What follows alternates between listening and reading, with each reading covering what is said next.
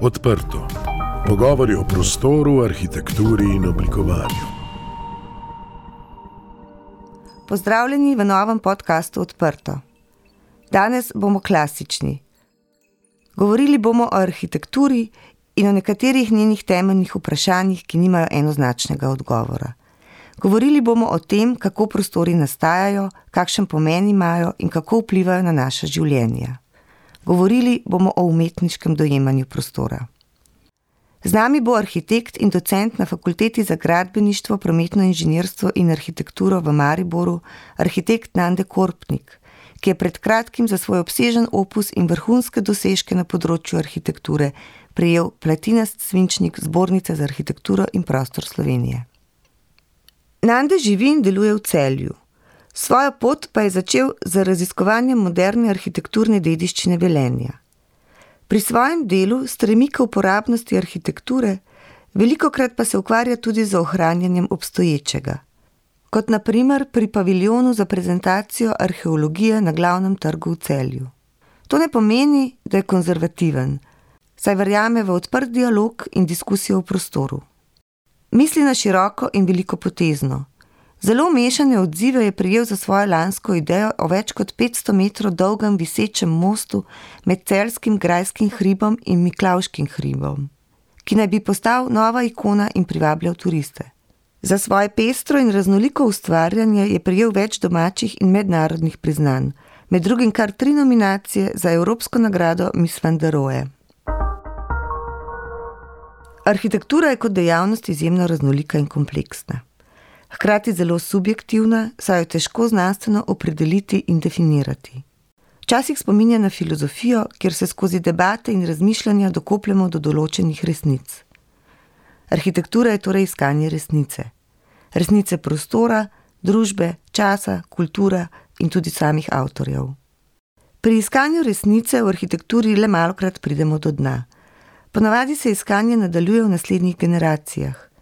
Odkrivajo se novi pogledi, obujajo stare tradicije, preizkušajo tehnične zmogljivosti in preverjajo obstoječe zakonitosti. Čeprav ima arhitektura to umetniško-filozofsko plat, je po svoji funkciji povsem utilitarna. Njen namen je, da nas ščiti pred vremenskimi vplivi, da nam nudi varno okolje, da oblikuje prostor, kjer bivamo in se družimo. V tej svoji polarnosti je arhitektura razpeta med duhovnostjo samorefleksije in materialnostjo fizičnega sveta. S tem pa ustvarja široko polje za lastno upodabljanje. Nande, pozdravljen. Pozdravljeni. Danes se bomo pogovarjali o klasičnih in temeljnih vprašanjih arhitekture, eh, zato sem zelo vesela, da si se odzval našemu povabilu. Arhitektura je vedno predstavljala določen poseg v obstoječ prostor. Ta prostor pa je posledica več tisočih posegov različnih družb in generacij, ki so na tem prostoru živele prej. Tako ob vsakem novem projektu razvija arhitekt z novim posegom zgodbo prostora naprej. Pri tem pa je jasno, da za njem prihajajo še drugi in da je on le ena beseda v dolgem romanu prostora. Kakšen pomen za res ima v tem kontekstu posamezen projekt? In arhitektovo delo. Arhitektovo delo naj bo pomensko in sebinsko predvsem iskren komentator svojega časa, avtorja in naročnika. Eh, ne na zadnje se bi naj ocenjevanje arhitekture za nazaj vedno začelo predvsem v razumevanju časa, ko je nastajala. Nerealno je pričakovati, da bo vsaka arhitektura zgodovinsko manifesta, eh, če že realno zapiše svoj čas in v svoji življenjski dobi služi dobro, je lahko arhitekt zadovoljen. Menim, da je zelo pomembno, da se tradicija in dediščina cenita in skušata ohraniti. Po eni strani je to res hvale vredno in spoštljivo do tega, kar je bilo. Po drugi strani pa se vedno znova poraja vprašanje, ali ohranjanje in konzervacija omejuje razvoj prostora. Naprimer, po drugi svetovni vojni so bile nekatera mesta dobesedno zravnana, na kar so jih zgradili povsem na novo in na sodoben način. Res je, da se je izgubilo veliko dediščine. Hkrati pa se je razvilo tudi nekaj povsem novega, kar se prej ni moglo. Kako ti gledaš na to? Eh, zelo zanimivo vprašanje, ki pa je aktualno že vsaj dobrih sto let od začetka sodobnega konzervatorstva. Vse skozi se polemizira, kaj obnoviti, kaj instruirati na novo, koliko svobode pustiti arhitektem predelavam. No, moče zanimiv primer mojega paviljona za prezentacijo arheoloških stalin in situ v celju, ki je bil letos nagrajen za Evropsko nagrado Evropa Nostra. Ocenevalna komisija je zapisala, da je to dober primer ohranjanja in predstavitve arheoloških stalin in situ v urbanem kontekstu, kar je ziv, s katerim se pogosto srečujemo po vsej Evropi. Zasnova paviljona, premišljena in nevseljiva zgradba, je skladna integrirana v obstoječi ulični niz in ohranja njegovo kontinuiteto.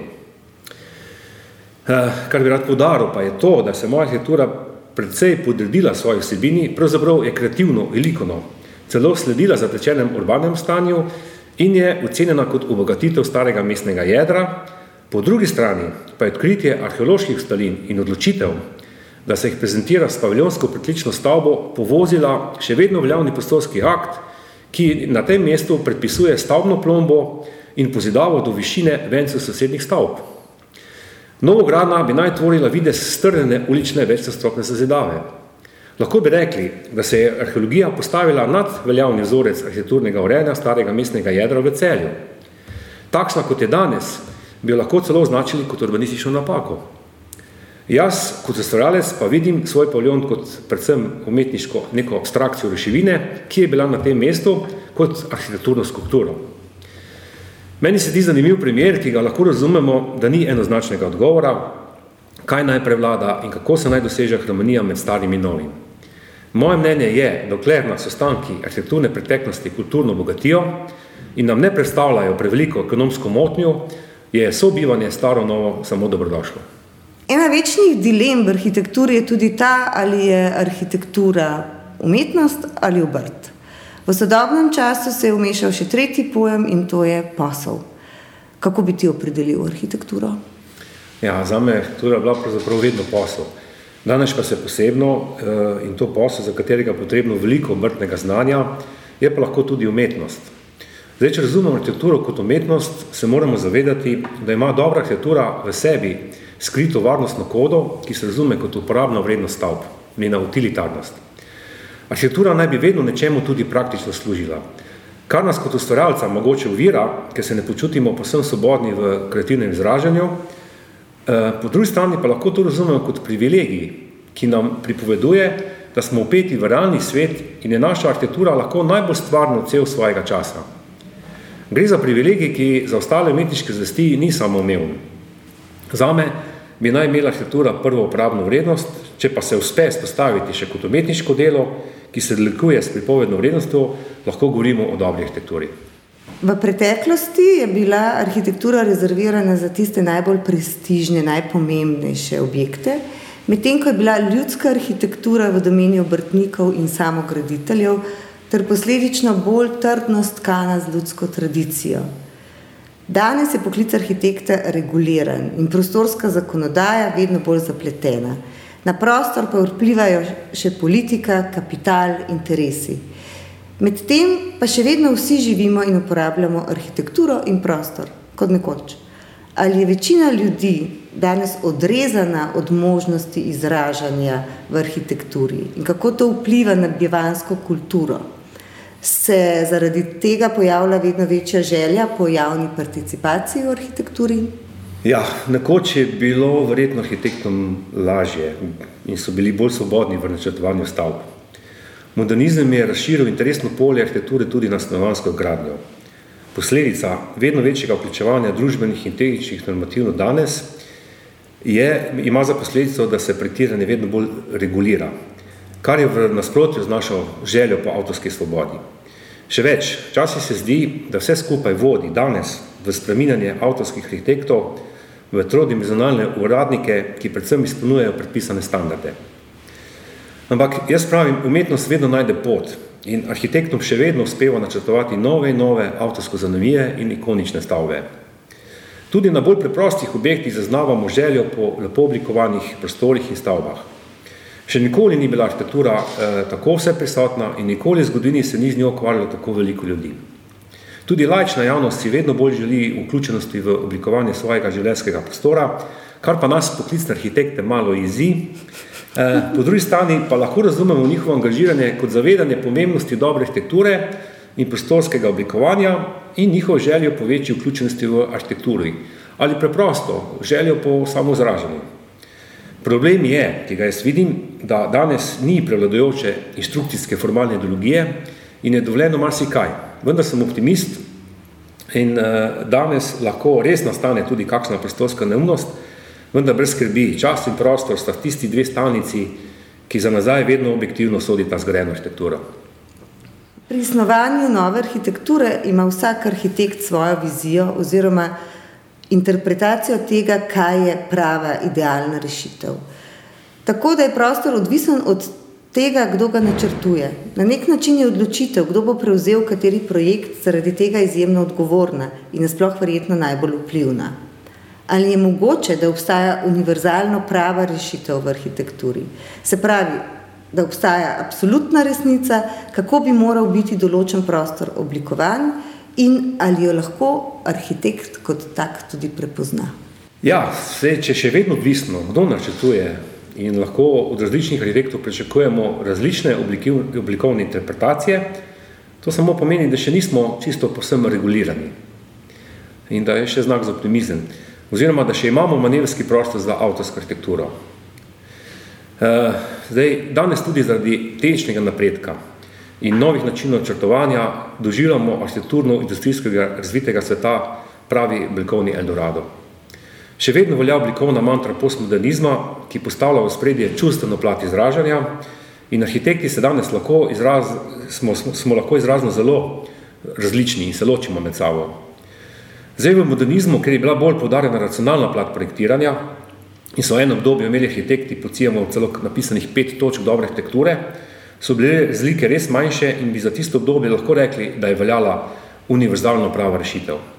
Danes tega ne moremo več trditi in absolutne resnice, kako bi naj izgledala dobra arhitektura, že dolgo ni več. Edino, kar nas lahko druži, je iskrenost pri stvarjanju in prizadevnost, da smo koristni za družbo in želja po dobri arhitekturi. Eh, sliši se enostavno, pa mislim, da ni. Eh, kot prvo, najtežje je samemu sebi priznati, kakšen si in zelo veliko je dejavnikov, ki arhitekta danes vodi v skušnjave, da se prepusti ležernosti in zanemari svojo stvarjalnost. Podnebna kriza je zadnje čase zelo aktualna tema. Ena izmed idej za oblažitev krize je tudi ta, da je zgrajenih stavb dovolj za vse, in da bi bilo potrebno obstoječe le obnavljati oziroma jih narediti bolj trajnostne. Kaj misliš o tej ideji na globalni ravni in kaj v slovenskem prostoru? Je to možna rešitev ali le radikalna misel? Ja, prvinsko ima arhitektura v sebi predvsem ta prikrit progresivni značaj in vedno je lažje nam graditi na novo. Zdaj odločitev, da boš najprej naredil ceno in analizo stanja grejenega, se s tem skloti prenov in obnov obstoječe arhitekture, jo naredil bolj trajnostno, je lahko politična in zopet pokaže predvsem na kreativno moč arhitektov. Že sama analiza je priložnost, da lahko arhitekti malo postanemo in se opremo nenehnemo za stanje za novim in s tem tudi prevrednotimo naš vrednostni sistem. Takšne preučevanje obstoječe arhitekture je ne nazadnje lahko tudi zelo poučno. Eh, sploh pa je prenova stavb vedno bila strokovno zahtevna naloga in če vse skupaj še lepo oblikovano, zna biti veliki izziv za arhitekte in je prav, da se pridružimo to vrstni ideji, tako na globalni kot na, ravni, na lokalni ravni. Si izjemno aktiven, pronicljiv, eh, zelo sodoben arhitekt, eh, ki se aktivno udejstvuješ v arhitekturi. Kaj želiš ti odkriti in kaj želiš ti spoznati? Hmm. Jaz si predvsem želim, da bi moja arhitektura bila koristna, imela uporabno vrednost uh, in če še uspem dodati pripovedno vrednost za čim širšo okolje, sem zadovoljen uh, avtor. Predvsem si pa želim ustvarjati sproščeno in uživati v nastajanju svoje arhitekture. Že dolgo nazaj pa sem odkril, da ni arhitektura tista, ki ne more brez mene, spoznal sem namreč, da sem jaz tisti, ki ne more brez nje. Hvala za lepo misel. Uh, me veseli, da ne moreš brez arhitekture. Tudi pri OHS ne ja. moremo brez arhitekture. Tako, enako, hvala, Linka. Hvala. Hvala za vabilo. Poslušali ste podcast Odprto. Prvi slovenski podcast o arhitekturi, ki ga je pripravila ekipa OHS. Za akustično ugodje je skrbel studio Sonolab. Odprte hiše Slovenije se zauzemajo za dobro arhitekturo, ki je namenjena vsem ljudem. Prisluhnite nam vsakič, ko boste v prostoru želeli izvedeti več. Da smo lahko odprto spregovorili o prostoru, nam je svojo podporo omogočilo Ministrstvo za okolje in prostor.